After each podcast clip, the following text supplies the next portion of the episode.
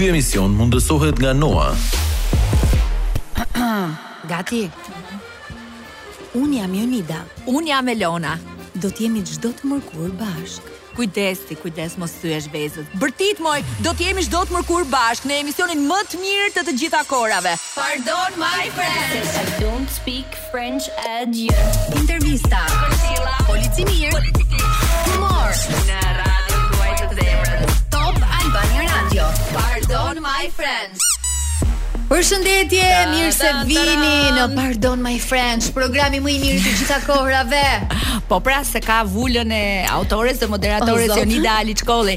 Ne jemi dhe sot Velinës Elona Duro. Elona në këtë pasdite e mërkurë 23 Nëntor, pak ftohtë jashtë, duket se ka nisur një mini dimër, që në fakt do të nisi dimri tamam, se jemi Na ngelën xhupat var motër, kështu që është mirë që filloi. Po që i kemi blerë, s'i kemi veshur akoma. Kështu që mirë bëri kujdesuni, kanë qenë ditë me shi këto, ditë të ftohta, premtohet që fundjava do të jetë kohë më me kthjellime, kështu që dhe mund të bëni plane për fundjavën, po mos bëni plane për tani, kjo është e rëndësishme, është e rëndësishme të jeni në makinë, dëgjoni Top Albania Radio apo na dëgjoni On air në Top Albania Radio se ky është programi Pardon My French.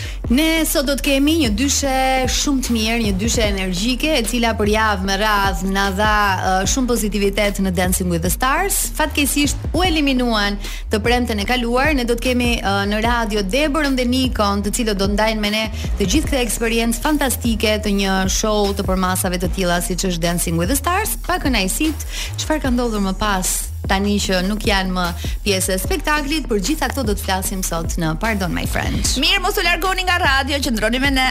Si quhet ky program? Pardon My French. Me autore dhe moderatore. Jonida Aliçkollin, e cila këtë muaj shënon shumë klikime sepse na thonë herë pas here që programi jonë është më i klikuar në YouTube edhe radiofoniku se televizivi. Siç ju lajmëruam në pjesën e parë të programit, sot do të kemi një dyshe, një dyshe që solli shumë energji, spektakël, show, performanca fantastike në Dancing with the Stars. Do çmallemi një herë para se të fillojë intervista.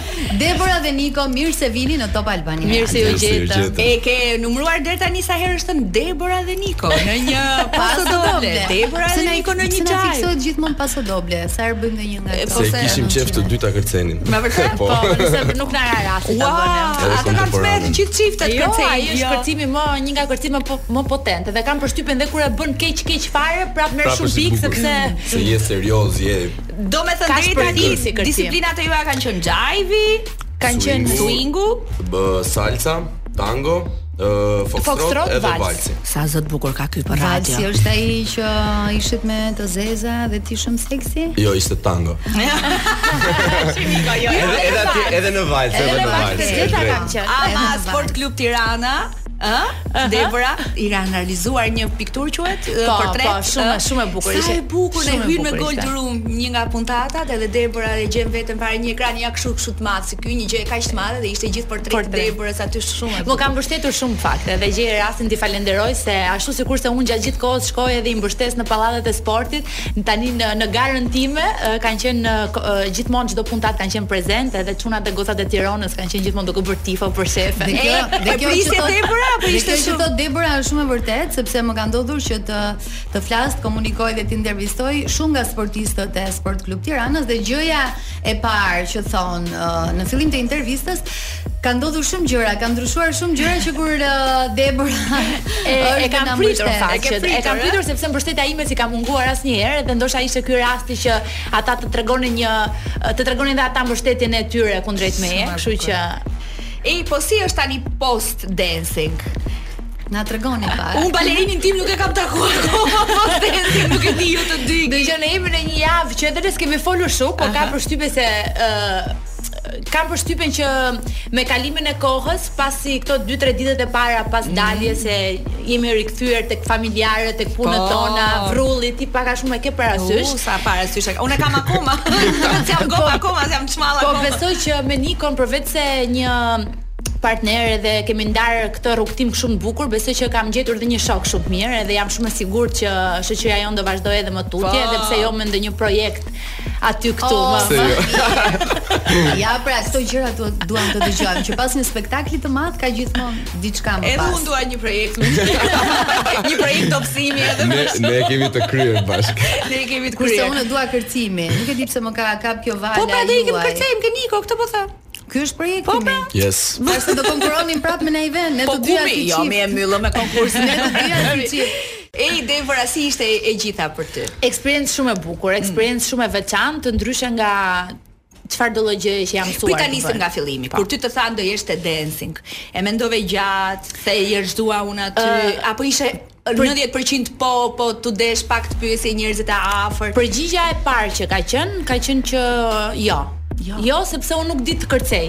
Edhe unë bëj shumë pak gjëra në jetë. Edhe Ato jam që fokus bën, i bën shumë mirë. I bëj shumë dhe... mirë edhe kam shumë bezdi të marr përsipër të bëj gjëra që nuk jam e mirë për t'i bërë. Edhe gjithmonë jam me parimin pak e saktë. Edhe kërcimi qartazi s'ka qenë nga ato gjërat që unë as e kam qef, as di të kërcej, as Se nuk kam kishe ti ndonjë për shembull pasion lulëzime kërcimi. familjare, të merrje një valle, kërceje Jo, një tango, jo, jo. Në bëje fami- çik salsa, Jo, s'ma ke dhënë ndonjëherë këtë përshtypje, Në me thënë familjen të drejtën. time gjithmonë njeriu artistik ka qenë gjithmonë motra ime, që ka qenë gjithmonë violiniste, këngëtare, artiste, ë, domethënë ai shpirti artistik i familjes, ndërkohë unë kam qenë njeri shumë i prerë me objektiva të qarta,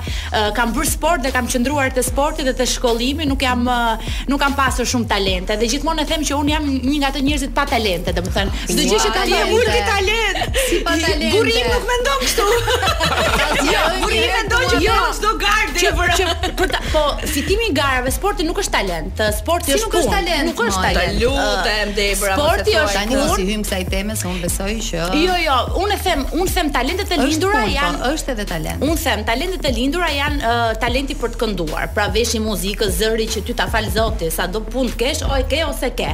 Për të pikturuar, sado kurs pikture të bësh ti kur nuk ke dorë për pikturë, nuk ke. Po dhe unë zemër sado të vrapoj, nuk e. jo, më, më besoj që nëse nis të vraposh mbas disa vitesh do jesh një një vrapuese shumë shumë e mirë dhe mund të bësh dhe maratona. Do marrësh pjesë në maratonën e Tiranës. Këtë ma beso. Dalë e fundit të lejnë. dhe në këtë sens them domethënë që nuk është se kam talente të lindura, çdo okay. gjë që kam arritur e kam arritur me punë. Punë. Dhe janë disa gjëra që sado të punosh, ë uh, besoj që nuk mund t'i nuk mund t'i arrish, siç është kërcimi, uh, aktrimi, këndimi, pra këto janë talente që një njeri ka të lindura me me me, me veten e, e tij. Edhe E kam parë që nuk kam pasur ndonjë vesh muzike, se më besoni se po të isha nga ato njerëz që të kisha dhe 1% vesh muzike me vullnetin dhe ë dëshirën që kam për punë do kisha ecur. Më lejo të them që padjeshkat e tua kanë mm. qenë shumë seksi në këtë edicion. Po ja pra këtu i ka hyrë në lojë edhe sporti, sporti është shumë elastike, është. O Niko, e ke e ke pas të vështirë të mbaje Deborën kur ke provuar të mbash dhe mua. Të them të drejtën, puntatat e para kanë qenë një goxha problem. Domethënë, ishim fizio çdo ditë. Me vërtet? Po, sepse... Stretching, kështu gati të... Debora e ka shumë të mirë, domethënë e ka ndihmuar goxha sporti për pjesën e padjeshkave, por Debora është e ngurt, dhe në moment që, domethënë dikush nuk di të mbajë peshën e trupit, ti e lëshon komplet peshën. Mm -hmm. Dhe në fillim ishte problem, pastaj muskulatura ime e krijoi atë memorien e mm -hmm. e peshës e dhe për mua nuk ishte më problem fare. Domthonë ishte Ishte çdo gjë ishte perfekt. Ti kur më mbajte mua pastaj si ta jo jo deri. Jo, jo. Shive, të them diçka, ë ti kishe këtë gjënë e mirë që ti e ruaje peshën, e ruaje po. peshën e, e trupit. Domthon për mua nuk ka qenë fare e vështirë, thjesht në moment që për herën e parë që u dëmtove pak nga brinjët, ishte thjesht ajo pjesa që të të mbaj të domthon afër meje po, që po, mos po, po, po. Për një rast të keq gjithsesi. Si ti që ke ngrit Elonën. Po bënim kërcimin në grup ne. Mm -hmm. Ishte kishte Anxhelo një çik punë. Siç ka pasur këto 2-3 muaj të fundit. Edhe jo po, ishte ishte vërtet një moment shumë i bukur se në mes të grupit isha unë dhe Niko një padjesh, po unë atë frikën gjithmonë që ca kile kështu mbi peshë, kështu do të kishte pak vështirësi partneri, po U lidha mirë. Ndonjëherë nuk ka shumë të bëj, për shembull dhe unë që dukem si njëri pak uh, më i holl, uh, më peshë, nuk jam e lehtë në në në kile. Domethënë peshon ndonjëherë edhe struktura e e e kockave, e muskulatura. Jo, pra, ka të bëjë patjetër se dhe duhet të dish atë që thot Niko, duhet të dish të kapësh, të mbash dhe të të mbledhësh trupin atë moment. Të ruash pjesën e peshës, Por dhe kjo pjesa e muskulaturës ka të bëjë shumë. Mm -hmm. Domethënë un kam një tank. kam një tank. Dy tanqe. kam dy tanqe. o Niko po për ty si ishte? Si e përjetove? Ne e dimë që ke gjithë jetën që merresh kudo me kërcim, me muzikën, me sa shumë personazhe të njohur kanë kërcyer me ty, sa shumë Zonja goca gra vijnë në palestrën tënde edhe janë në formë dhe janë mbi të gjitha të lumtura se të merresh dhe me kërcimin të bën edhe mirë edhe psikologjikisht pastaj ty të vjen një ftesë në dancing with the stars edhe emri dhe fama bëhet më e më e madhe edhe një herë. Të them të drejtën në fillim nuk e pranova pse si kërkesë jo ë pastaj e mendova edhe thash pse jo do jetë një benefit më i mirë mhm. për emrin për punën dhe për gjitha domethënë ka shumë njerëz që nikon e njohin, po ka dhe shumë njerëz që Nikon nuk e njohin dhe mendova që pse jo mos të jem, se është realisht është një mundësi shumë shumë e mirë për neve që kërcejmë dhe pranova dhe me kënaqësi më të madhe. Si u gjendët me njëri tjetrin? A e kishit direkt atë kiminë, ë, po, si çift uh, apo ju deshën ca ditë? Jo, ne jemi njohur për herë të parë që kemi patur kontakt. Kontakt. Këtë verë në një dasëm të përbashkët që kemi qenë, uh, Niko po i bënte koreografin çiftit, ndërkohë vajza që u martua ishte shoqja ime e ngushtë, e kemi ka, kemi kaluar disa disa ditë në në një dasëm, në një dasëm. Ah, nuk shkove ti që të merrje ca mësime për dasmën. Dhe jo, jo, jo. jo. jo. dhe aty për herë të parë ka qenë data 22 korrik, për herë të parë ka qenë i thash unë nuk di të hedh valle, dhe s'kisha hedhur. Ishte ora 2 e mëngjesit. Po, nuk kisha hedhur asnjëherë valle në jetë. Edhe Ishin munduar shumë njerëz për të ma mësuar, po ke parasysh njerëzit që s'e kanë atë qetësinë për ta mësuar po, po. si siç duhet, domethënë fillojnë të kërcejnë shpejt e shpejt vetë edhe bëhen dhe agresiv. Po, po, e vërtetë. Si ata që të mësojnë makinën. Po. Mos e shtyp, po nuk di ta ngas. Prandaj ja fiks, domethënë ishin munduar disa njerëz dhe më shumë më kishin ngatruar dhe pastaj un kompleksohem sepse kur e shikon që s'e bën një herë dy herë, thu lëre fare, s'dua, s'dua ta provoj. Edhe mbaj mend që e provova me Nikon i thash nuk e nuk po e kapja dhe Niko me atë qetësinë e vet që është një nga gjërat që unë e kam fantastike është. Po, e kam e kam dashur më shumë nga e vërtet qetësi olimpike. Edhe më jo më tha prit se do ta mësojmë. Po nuk e bëj dot, i thashë, e provum 3-4 herë, po do ta bëjmë edhe me atë qetësinë e vet, domethënë në orën 2 të natës kam qenë unë për herë të parë në vitin 2022 në moshën 30 vjeçare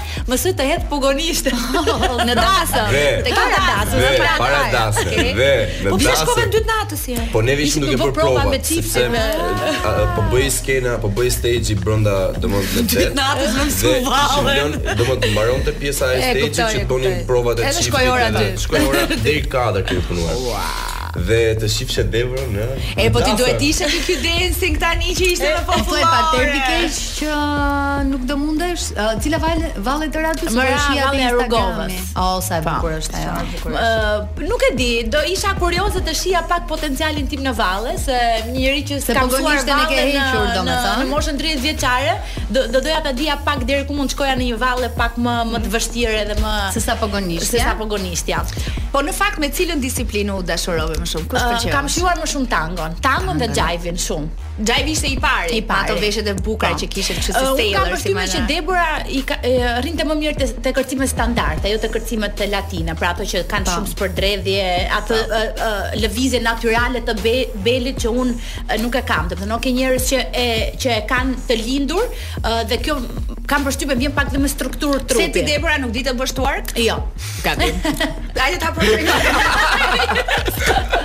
E di të bëj. Unë di që të bëj, unë di të bëj twerk dhe dola dy javë. Kjo nuk është e drejtë. Edhe kam përshtypje që rrija më mirë te këto kërcimet standarde, jive, mm -hmm. tango, ndoshta paso doble, mm -hmm. pra që nuk kanë shumë spërdredhje do thoja unë. Kam një propozim për të gjithë ju të dashur miq që po dëgjoni Top Albania Radio, nëse doni të bëni pushime edhe në dimër, të blini smartphone-in e fundit apo gjithçka që jua bën jetën më të thjeshtë dhe më të bukur, zgjidhni Noa. Mund të keni gjithçka që ëndërroni duke aplikuar online dhe merrni financimin që ju duhet në vetëm 10 minuta. Noa është aty për çdo dëshirë tuajën. Pardon my friend. Tek Debora, edhe ata që edhe ne që kemi punuar me të, po edhe ata që e kanë parë nga ekrani, uh, shohin një këmbëngulje tënden, një guxim tëndin, një një vendosje tënden që shiko, unë do t'ia dal. Pra, edhe në qoftë se është ky xhajvi që Debora thotë, gjithë këto që renditi, jo talenti, jo veshi, jo është një vajzë që punon, më nuk e di bërë pra çohet në dy të natës. Është një vajzë që është mësuar me gara, Që këmbëngul shumë dhe që do t'ia dali në fund, uh, sido që të jetë situata apo jo. Një nga arsyet pse i thashë po ftesës në Dancing with the Stars ishte për të treguar që ndonjëherë edhe nëse nuk je njeriu më i talentuar, me por me punë arrihet. Edhe besoj që uh, kam arritur diçka. Këtë doja të thoja, po. që gjithë këtë mm -hmm. përshtypje ke lënë te njerëzit që po. me punë arrihet. Unë unë e kam thënë shpesh që unë uh, kam shumë besim te puna edhe tek vullneti për t'i arritur gjërat. Domethënë tek çdo gjë që kam arritur, kam arritur me punë. Prandaj them ndonjëherë që nuk është se kam qenë nga ato njerëz të talentuar, por kam punuar fort për ti për të arritur gjërat që që dua. Edhe them edhe këtë që ndoshta edhe nuk kam qenë ajo sportistja më e talentuar, më më por me punë gjithmonë kam kam mundur ndoshta edhe ata që kanë qenë më të talentuar edhe ne kur po vinim rrugës po diskutonim që për intervistën është Debora, është Niko, Debora është mësuar të fitojë, është mësuar me gara dhe ato që po përmendim dhe gjatë intervistës dhe me humor po bënim, më fal, hedhje shtize, hedhje gjyle. Ë, ca këto sporte te Lojërat Olimpike, edhe atyre po t'ia hysh burri im ngaqë ndjek shumë sport edhe të ka shumë parasysh edhe në kohën kur unë nuk të njihja ose sapo kisha filluar të dëgjoja emrin tënd thoshte është një vajzë që fiton çdo garë. I thash un avash ti. Kush është kjo vajza? Se un kam fituar garën më të rëndësishme me ty. jo, jo, por jo, jo, më vërtet kam thënë kështu, po vërtet isha kas. Edhe ti këtë ndiq të shi si vrapon, ka është notare kështu ashtu. Dhe edhe para disa ditësh që të kontaktova përcjell djalin, është fryma e atij që djalit mirë, xha po bën dy sporte, po do dhe dy të tjera. Do t'ja zë kohën shumë me me, me sporte.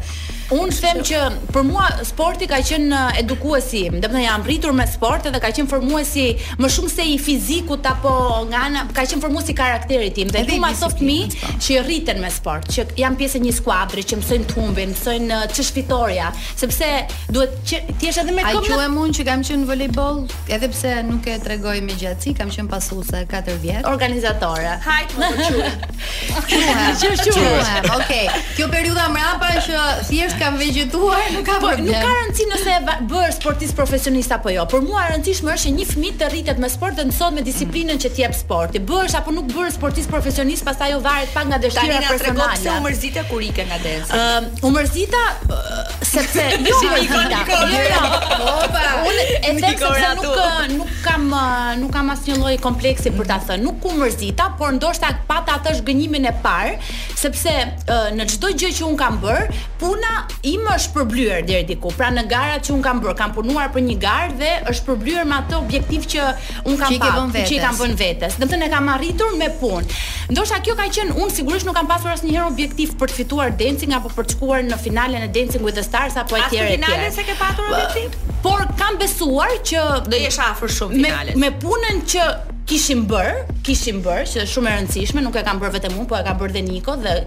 më shumë se unë ndoshta e ka bërë Niko.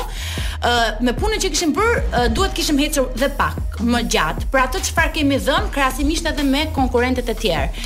Edhe ë uh, për këtë u mërzita. Po pse çfarë do të ndryshonte puntata 7 apo e 9? Asgjë nuk do të pra. ndryshonte. Thjesht uh, unë jam një njeri që kam uh, shumë, po shumë shumë shumë bezdi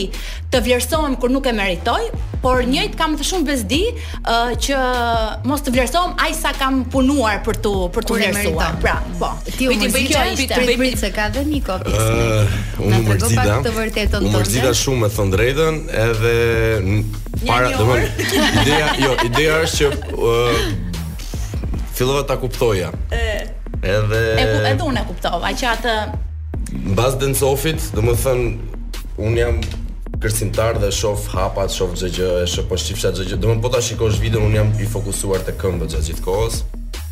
Ë kërcyen shumë shumë mirë Julka dhe Sil Silvestri. Por mendoj që ne kërcym më mirë.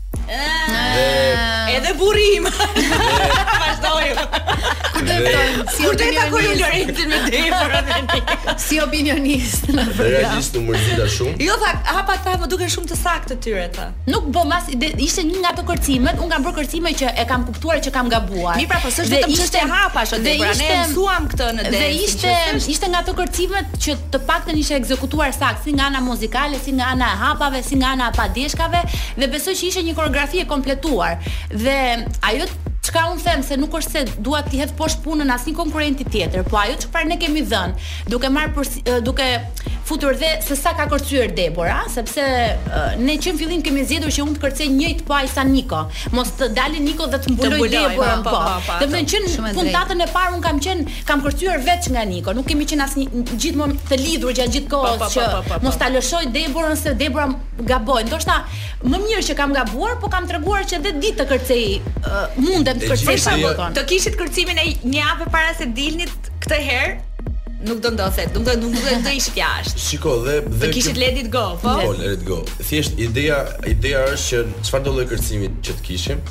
Domethënë, unë un e di shumë mirë se, se sa jep Debora dhe e di shumë mirë se sa ka dhënë Debora në çdo natë. Dhe di të them nga ana profesionale që, ok, çdo, çdo kërcim ka gabim, as që e diskutoj. Por ka pas dhe kërcime që s'kam pas as edhe një gabim. Dhe ky i fundit nuk ka pas as edhe një gabim. Edhe tango nuk ka pas asnjë gabim dhe nuk nuk është se kemi marrë atë vlerësimin që ne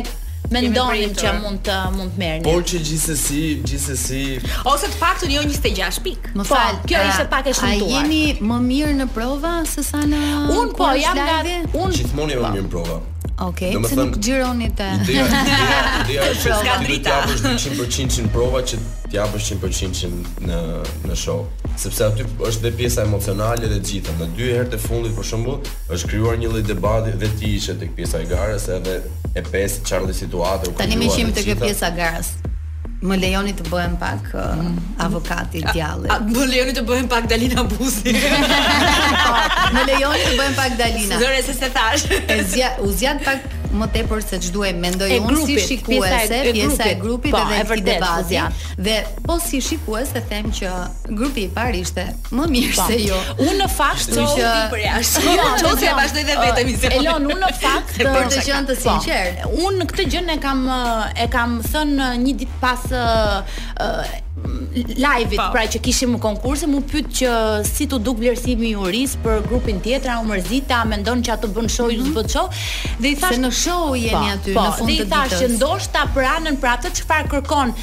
televizioni, çfarë kërkon publiku apo çfarë vlerëson dhe juria, ndoshta ato e kishin pak performancën më të kompletuar për të për të shitur, për për ta mhm. përcjellë më mirë tek uh, publiku. Ne ndoshta ishim fokusuar pak tek tek hapat. Tek hapat dhe unë me Niko kemi qenë nga ato uh, çifte që i kemi dhënë shumë rëndësi edhe hapave dhe uh, në fund madje i kam thënë që ndoshta ka ardhur momenti që dhe ne të bëjmë pak më shumë show se sa thjesht t'i bëjmë ato hapat e sakta apo ta kemi të kompletuar nga ana e hapave. Një sekondë po më shkruan burri se më s'e dëgjon. dhe performanca e cilit grupi i pëlqeu burrit në opinionin. E jona, mi, s'diskutohet. Dhe këtë gjë e, e thashë, kështu që besoj që u zgjat pak vërtet ajo gjëja atë ditë edhe me jurinë, edhe mua, edhe më ndikoi pak negativisht pastaj tek performanca individuale po. që ne që ne bëmë. Ëm dhe meqë jemi tek juria, këto javë, më saktë edhe herën e fundit pamë ca konflikte, ca debate, ca pakënaqësi. Ë ju të dy me cilin prej tyre keni ë nuk mund të themi debat apo diçka që nuk e keni thënë në sy, por ndoshta ndonjë hatërmbetje ose pritshmëri Më të vogël se sa ç'kishit menduar, Niko po qesh dhe e shoh që ka diçka për të thënë. Unë mendoj që unë jo, unë e them nuk me komentet e cilit më saktë. Uh, nuk jemi ndjerë dhe aq mirë. Un besoj që të gjitha performancat tona janë vlerësuar më pak seç uh, kemi merituar. Me pikët, po. Okay. Uh, dhe nuk e di arsyen për këtë, sepse un mbaj mend që te salsa na ka dhënë 22 pikë dhe ajo salsa nuk ishte për 22 pikë, edhe valsi na ka dhënë 22 pikë dhe prap nuk ishte për 22 pikë krahasimisht dhe me performancat e tjera, mm -hmm. domethënë sepse kemi parë uh, valse që ishin shumë herë më të thjeshta apo më më të vakta. Të vakta dhe kanë marrë nga 27-28 pikë. Kupton ndërkohë që ne në valsin ton kishim pa diçka të vështira, kishim Debora mos ndoshta ndonjëri ka ngel hatri jurisë me ty se ç'po i bie ti kështu bim. Ëm um, Un po, se mund tani me time. Në fakt edhe këtë gjë dua ta ta ta sqaroj, sepse asnjëherë nuk është si i kam rënë. Un kam dhënë mendimin tim dhe kur më pyetet diçka nga produksioni, jap një mendim timin dhe e sqaroj mendimin që e bëj. Ë ndoshta jurisë i është përcjell se televizioni tre çereku i gjërave që ti thua priten dhe ngel një fjali aty që Ndoshta e kanë nuk marrë. Nuk besoj se janë ndikuar nga komentet, se në fund të ditës un, secili aty thot un mendimin besoj, e tij. Un besoj pak që edhe janë ndikuar po, nga komentet. Okay. Domethënë mbaj mend komentin e e parë të, të Mandit, që ka qenë zoti e ka lëshuar fare dorën për ty dhe të nesërmen është pyetur nga produksioni që a u ndjeve ti e vlerësuar si femër nga nga nga komenti i Mandit, i thash sigurisht që m'u bë qefi sepse po. çdo njeri ka qef komplimente, por do doja që Mandi përveç aparencës Time, fizike, të kishte komentuar diçka dhe për kërcimin, sepse unë nuk kam qejf që dhe në punën time, Debora të vlerësohet vetëm si një femër e bukur, por dua që të flasi puna ime. Dhe këtë gjë e kam parim në në edhe në punën time të përditshme. Po mirë se ai komplimenti përfshin dhe punën. E përfshin dhe dhe jo, ishte, jo? ajo ishte jo, që ç'a të them unë për ty, tha zoti e paska lëshuar, do të thotë që je shumë je shumë mirë nga ana fizike, domethënë. Jo, unë nuk e kam marrë kështu, me thënë të drejtën. Edhe gabim te pra. E shikon? Dhe unë, dhe unë pata thënë këtë gjë që do doja që të kishe komentuar jo vetëm anën fizike, po edhe pak mbi kërcimin. Por atë punë i ra Megi jurisë ose i ra njëri dhe mm. herën tjetër mori pik më shumë se tjerë. Dhe pastaj, por... pastaj mbaj mend që në kërcimin e dytë Mandi tha se meqë Debora i ka inat komplimentet, tha po vazhdoj direkt te. Aty u preve fare. Jo, do të thoshte Niko Niko, na fal se uh, s'ka gjë, jo, uh, tek tango doja të them diçka me Dalinën uh, dhe Të gjithë me Dalinën. Që duhet duhet ishte, jo, ishte një koment që okay. domethënë ne ke tango ishim shumë shumë pasionant, ishim shumë bashkë, ishim shumë domthon energjia e tangos qe perfekte dhe than duhet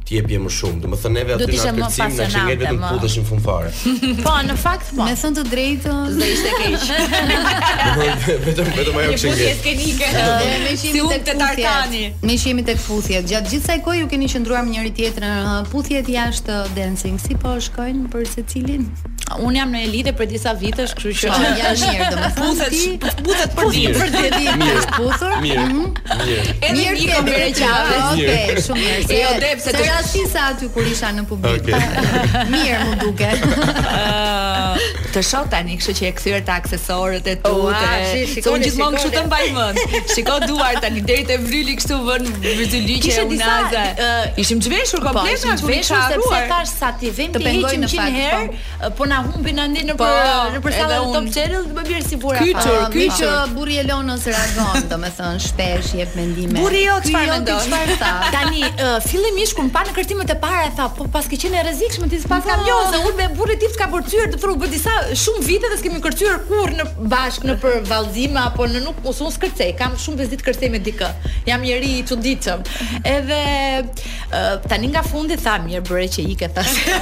Se të prove, të prove pak tani. Ej, po ta mendosh, nuk është se do me kur kur the pak më parë doja të shkoja edhe kaloj gjysma e rrugtimit, më shumë se gjysma e rrugtimit, edhe 4-5 puntata kanë ngelur dhe është goxha goxha ecje për një njeri që thua që e nisi jo nga zero, po nga minusi në këtë fushë. Si, sigurisht që sigurisht që ishte goxha rrugtim, uh, un vetëm besoj që uh, mund kishim kisha akoma për dhënë dhe pak më shumë. Po ça të ka ndryshuar në mendësi kërcimi, gjithë kjo përpjekje, gjithë kjo eksperiencë, gjithë kjo. Uh, të ka kënaq? Jo. Jo.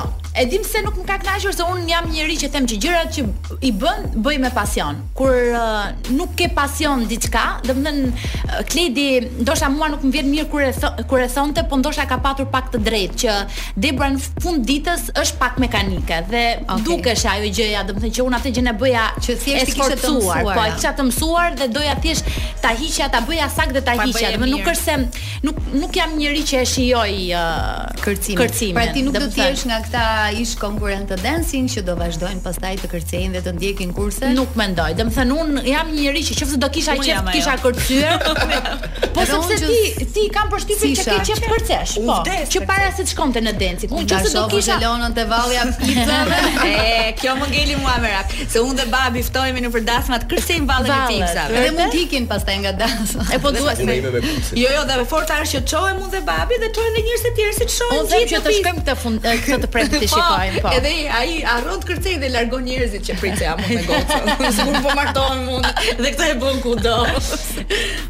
Dhe unë gjërat që kam pasur qef t'i bëj i kam bër para uh, para nuk kam lënë gjë nga ato gjëra që kam qef mangut vetes pa provuar. Kam qef të ngjis male, i ngjis male, kam qef të bëj sport, bëj sport. Të thënë se nëse doni të zbuloni dhe të eksploroni vende shumë të bukura të Shqipërisë, te Instagrami i Deborës, por që që pasionet që kam i kam i kam i kam bër, nuk është se qartazi, kërcimi po të ishte pasioni im do e kisha ndjekur, nuk do kisha pritur deri tani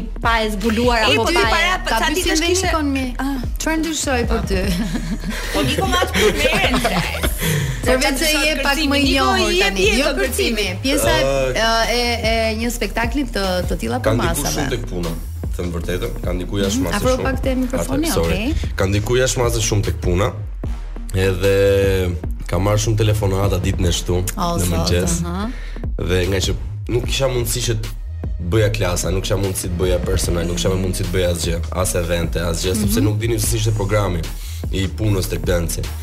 Dhe të shtunën jam zgjuar me nja 20 telefonata që thoshin shyqyr, shyqyr që ike. Sa do duam vemi. Na gjej orar tani. Edhe unë ashtu thash. Unë mbaj mend në puntatën e tretë, unë kisha një foxtrot dhe në prova kam qenë atë ditë smur me antibiotik, mbani mend, po, përveç po. halleve të tjera. Edhe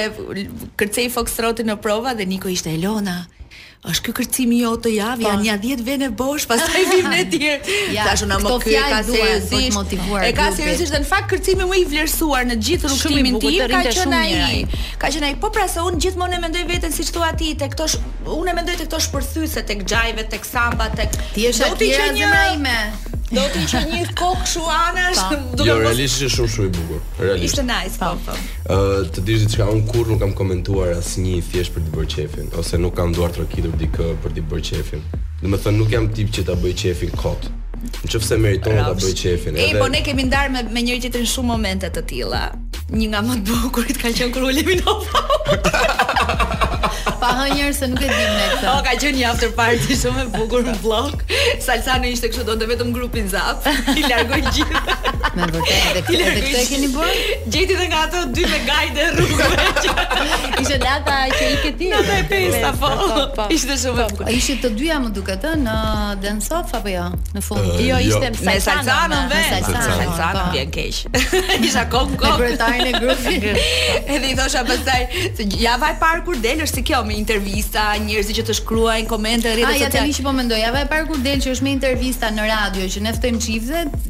Anxhelo prap nuk erdhi, është vërtet. O ti.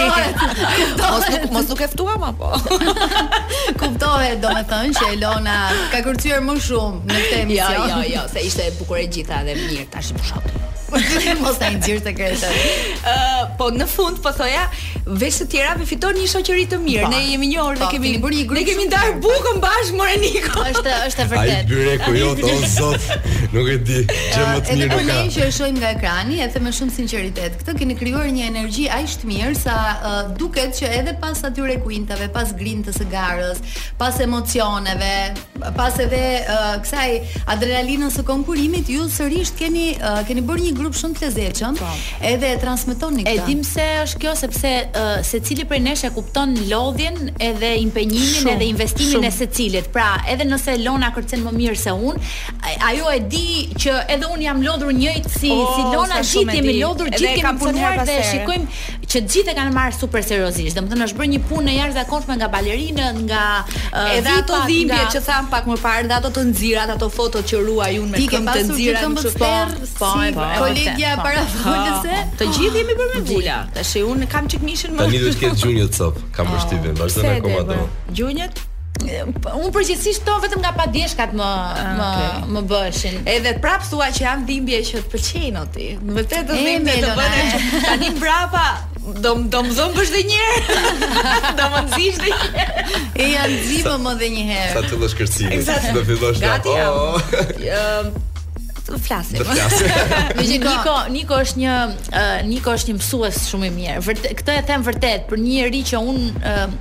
se si themi kështu në gjuhën popullore nuk parathit shumë shpejt. Okej. Okay. Me kërcime, domethënë nuk është se e kap me herën e po. parë që të ma shpjegosh edhe ti ma kap shpejt ta bëj direkt. Domethënë më duhet 3-4 herë, duhet që Niko të gjejë mënyra për ta thënë alternative për ta shpjeguar se si ta bëj sepse ë realisht kam pasur shumë vështirësi për për të fiksuar lëvizjet, për të kuptuar edhe për të ekzekutuar, edhe ka një qetësi që besoj që është pika e tij më e fortë në kur kur mm -hmm. kur mëson. Pra le të themi që ne do vijmë. E vërtetë.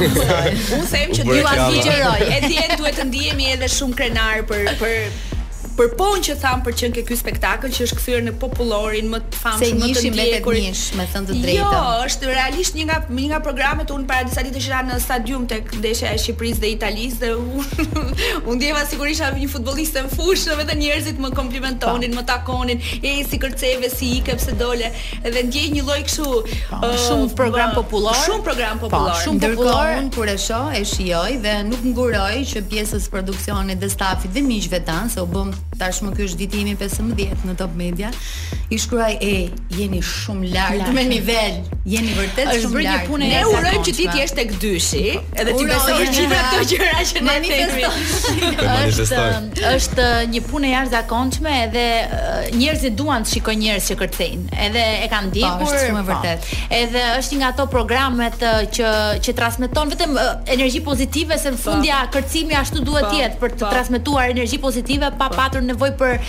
se boll drama kemi në mm. në në jetën tonë, pra ajo të shpjegoni edhe një gjë tjetër, si rashë un 8-9 kg për 2 muaj, ndërkohë që kam gjithë vitin që me fileto pule me vete, me palestër, me pesha, me hekra, me ku di un. Si si domethënë, jo edhe vetëm në kuptimin që si besoj. Jo, jo, pse kërcimi ta jep edhe këtë sepse, këtë transformimin në trup, sepse të lëviz, të lëviz çdo pra pjesë e trupit. Pra ata që na ndjekin nëse ka njerëz që thonë, "Po bie, kam bëj palestër për ditë." Sepse Atëherë në radhë të parë ti punon me peshën e trupit tat, je gjatë gjithë kohës duke u marrë me peshën e trupit tat, je gjatë gjithë kohës aktivitet është vetëm kardio, je gjatë gjithë kohës kardio. Ka qenë dhe shumë intensive. Dhe ka qenë dhe tmerrësisht shumë intensive. Domethënë në qoftë se ti palestër shkon një orë në ditë, një orë e gjys, ne ishim katër na ikte katër orë ditës, gjatë ditës, pastaj në prova gjenerale që kishim të rrinim na thoshte Debora Keçi u lodha, ne tjerë, ishte tjerë, ishte lodhje. Ishte xhajvim, edhe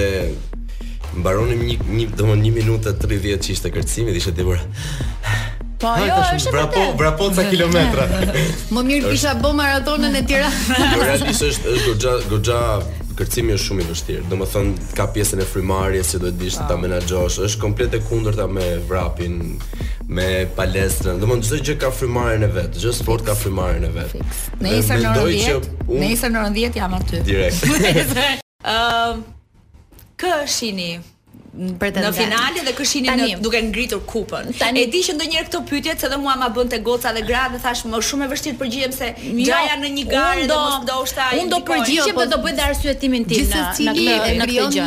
Një një ide apo jo. Unë besoj që si garë në vetvete ne këtu e kemi filluar jo të barabartë, mhm. që do të thotë pa dashur domethën tani të flas për veten, po nëse Debora nuk ka pasur asnjëherë lidhje me, sepse aty nuk është vetëm kërcim, aty duhet dish të aktrosh, duhet dish të sillesh me mm. kamerën, duhet dish të kërcesh, duhet dish të sillesh me publikun, ta bësh për vete publikun.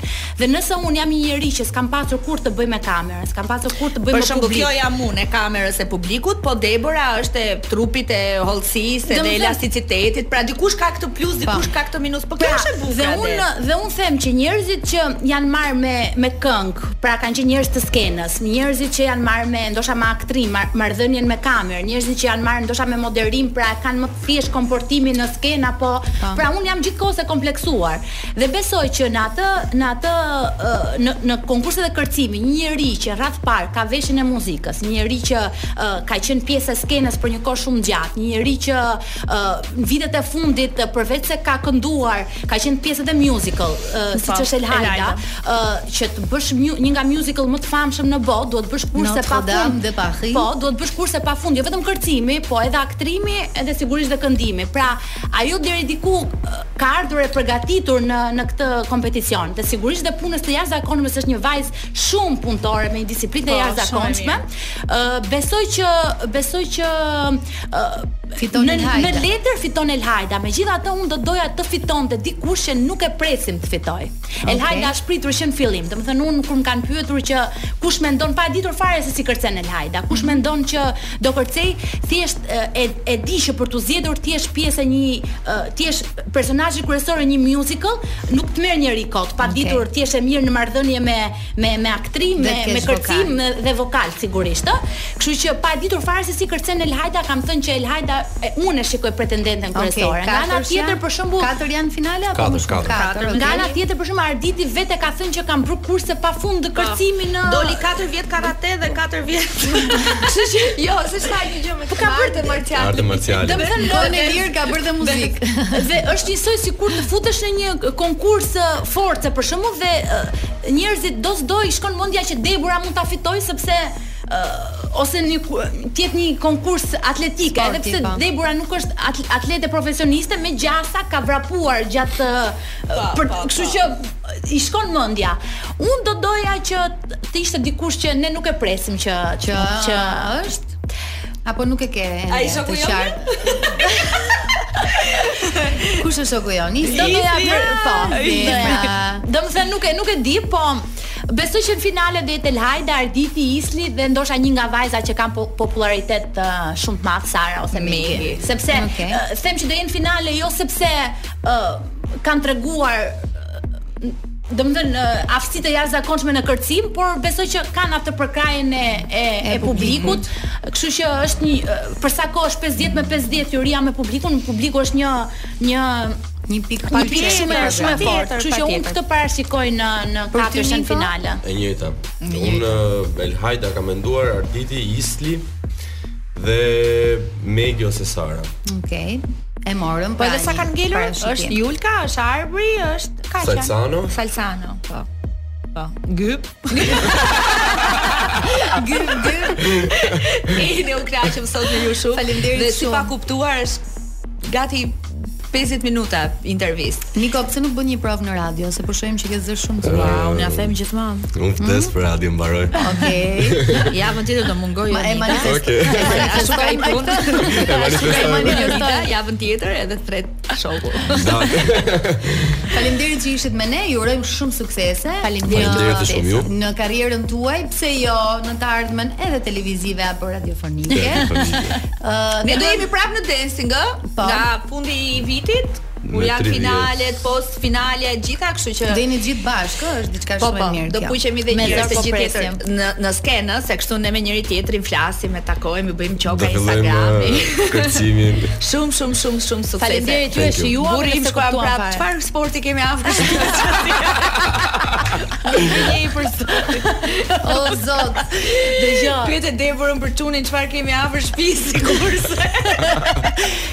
S'ka si sport. Nuk është e vërtetë. E këtë e them realisht. Ore çfarë halli ka ky tash? Që pyet, që të shih më mirë. Jemi në fund të Pardon My Friends. Më vjen shumë mirë dhe jam shumë e lumtur që patëm një energji kaq të mirë në radio dhe po e mbyllim me të qeshura. Dëgjohemi të mërkurën tjetër e ju e dini, më të mirët ne. Të mërkurën. Me autorin dhe moderatorin ideal Çolli dhe me Belinën. Të mërkurën tjetër. Ciao.